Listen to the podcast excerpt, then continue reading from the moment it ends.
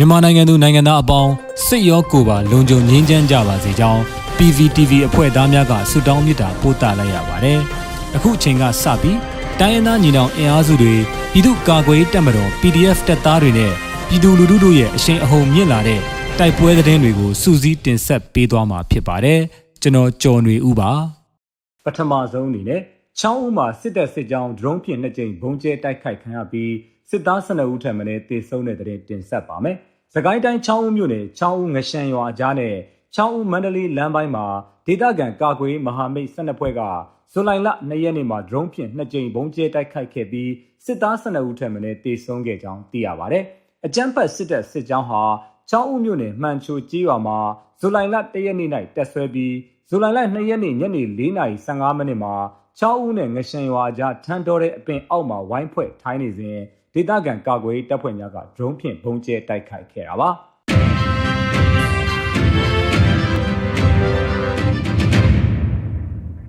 ဆက်လက်ပြီးရင်းမပင်မြေဖွေးတောင်နီးပြည်သူပိုင်နေအိမ်ကိုမီးရှို့ဖျက်ဆီးပြီးပြန်လာတဲ့အကြမ်းဖက်စစ်တပ်စစ်ကြောင်းမိုင်းဆွဲတိုက်ခိုက်ခံရတဲ့တဲ့တင်တင်ဆက်ပါမယ်။စကိုင်းတိုင်းရင်းမပင်မြို့နယ်မြေဖွေးတောင်နီးပြည်သူပိုင်နေအိမ်နှလုံးကိုဇူလိုင်လ2ရက်နေ့မှာမီးရှို့ဖျက်ဆီးပြီးပြန်လာတဲ့အကြမ်းဖက်စစ်တပ်စစ်ကြောင်းကို ဒေသခံကာကွယ်တပ်ဖွဲ့များကမိုင်းဆွဲတိုက်ခိုက်ခဲ့ခြင်းဖြစ်ကြောင်းချိုမိုင်မိုင်ရင်းမပင်ကဏီမဟာမိတ်တပ်ပေါင်းစုတပ်ဖွဲ့ထံမှသိရပါဗျ။အဆိုပါအကြမ်းဖက်စစ်တပ်စစ်ကြောင်းဟာဗန်ပွေးရွာရှိပြူစောထီးများနဲ့စစ်တပ်များကိုထောက်ပို့လာတဲ့ကာအားလုံခြုံရေးအဖြစ်လမ်းဘေးကင်းလာရောက်စဉ်မြေဖွေးတောင်အနီးရှိပြည်သူပိုင်နေအိမ်နှလုံးကိုမိရှို့ပြီး၎င်းတို့အလိုရှိတဲ့ပစ္စည်းများအားပြည်သူပိုင်ထော်လာကြီးဖြင့်တည်ယူလာစဉ်ချိုမိုင်မိုင်ရင်းမပင်ကဏီမဟာမိတ်တပ်ပေါင်းစုနဲ့ ရင်းမပင် Local People Defense Force ချင်းတွင်းဂလုံရာဇာ Guerrilla Defense Force Alpha Special Force မုံရွာ True of Force MTOF တို့ပူးပေါင်းကမိုင်းဆွဲတိုက်ခိုက်ခဲ့ခြင်းဖြစ်ပြီးစစ်သားများထိခိုက်ဒေဆုံးမှုရှိမရှိကိုအတိမပြုနိုင်သေးကြောင်းသိရပါဗျ။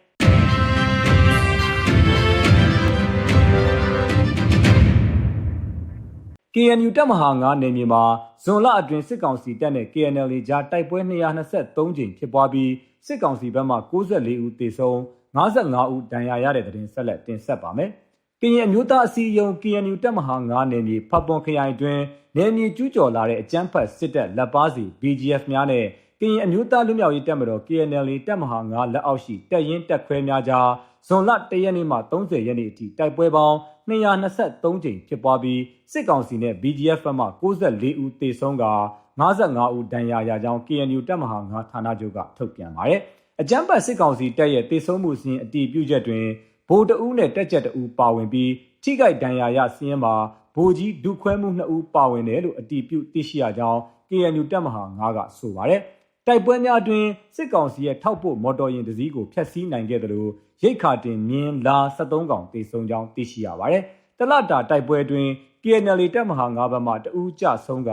6ဦးဒဏ်ရာရရှိခဲ့ကြောင်း ကြေးရွာတွင်သို့အကြမ်းဖက်စစ်တပ်ကလက်နက်ကြီးဖြင့်ပစ်ခတ်မှုကြောင့်အပြစ်မဲ့ပြည်သူ3ဦးဒဏ်ရာရရှိကြောင်း KNU တပ်မဟာ9ကဇွန်လလကျုပ်တိုက်ပွဲအစီရင်ခံစာမှာဖော်ပြထားပါတယ်။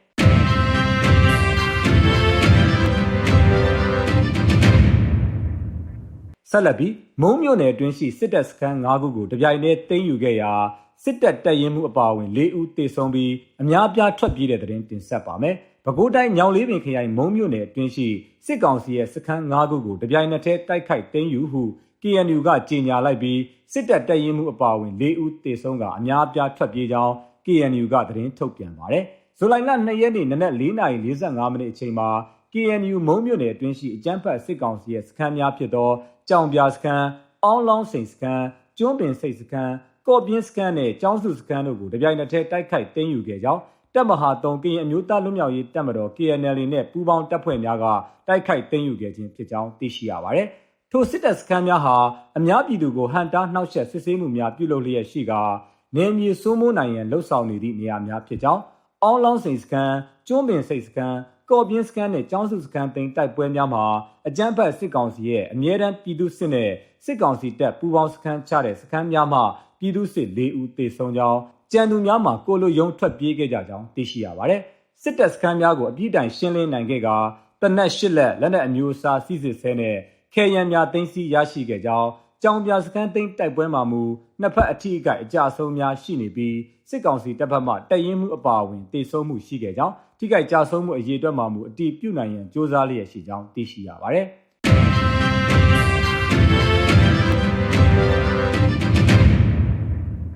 နောက်ဆုံးအနေနဲ့အမျိုးသားညီညွတ်ရေးအစိုးရပြည်ထရေးနဲ့လူဝင်မှုကြီးကြပ်ရေးဝန်ကြီးဌာနက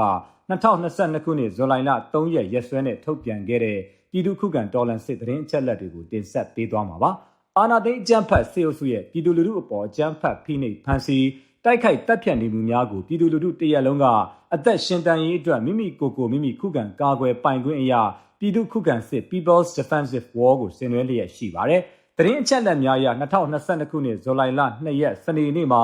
စစ်ကောင်စီတပ်ဖွဲ့ဝင်45ဦးသေဆုံးပြီးထိခိုက်ဒဏ်ရာရရှိသူ9ဦးအထိခုခံတိုက်ခိုက်နိုင်ခဲ့ပါတယ်။စစ်အာဏာရှင်စနစ်မြမအမြေပေါ်မှာအပြည့်တိုင်ချုပ်ငင်းရင်းနဲ့ Federal Democracy တည်ဆောက်ရေးအတွက်ငြင်းချမ်းစွာဆန္ဒပြတဲ့လူထုတပိတ်တိုက်ပွဲများကပြည်내နဲ့တိုင်းဒေသကြီးများမှာဆက်လက်ဖြစ်ပွားပေါ်ပေါက်လျက်ရှိပါတယ်။မြေပြင်မှာတော့ယခုတွေ့ရတဲ့သတင်းအချက်အလက်များထက်ပို၍ဖြစ်ပွားနိုင်ပါတယ်ခင်ဗျာ။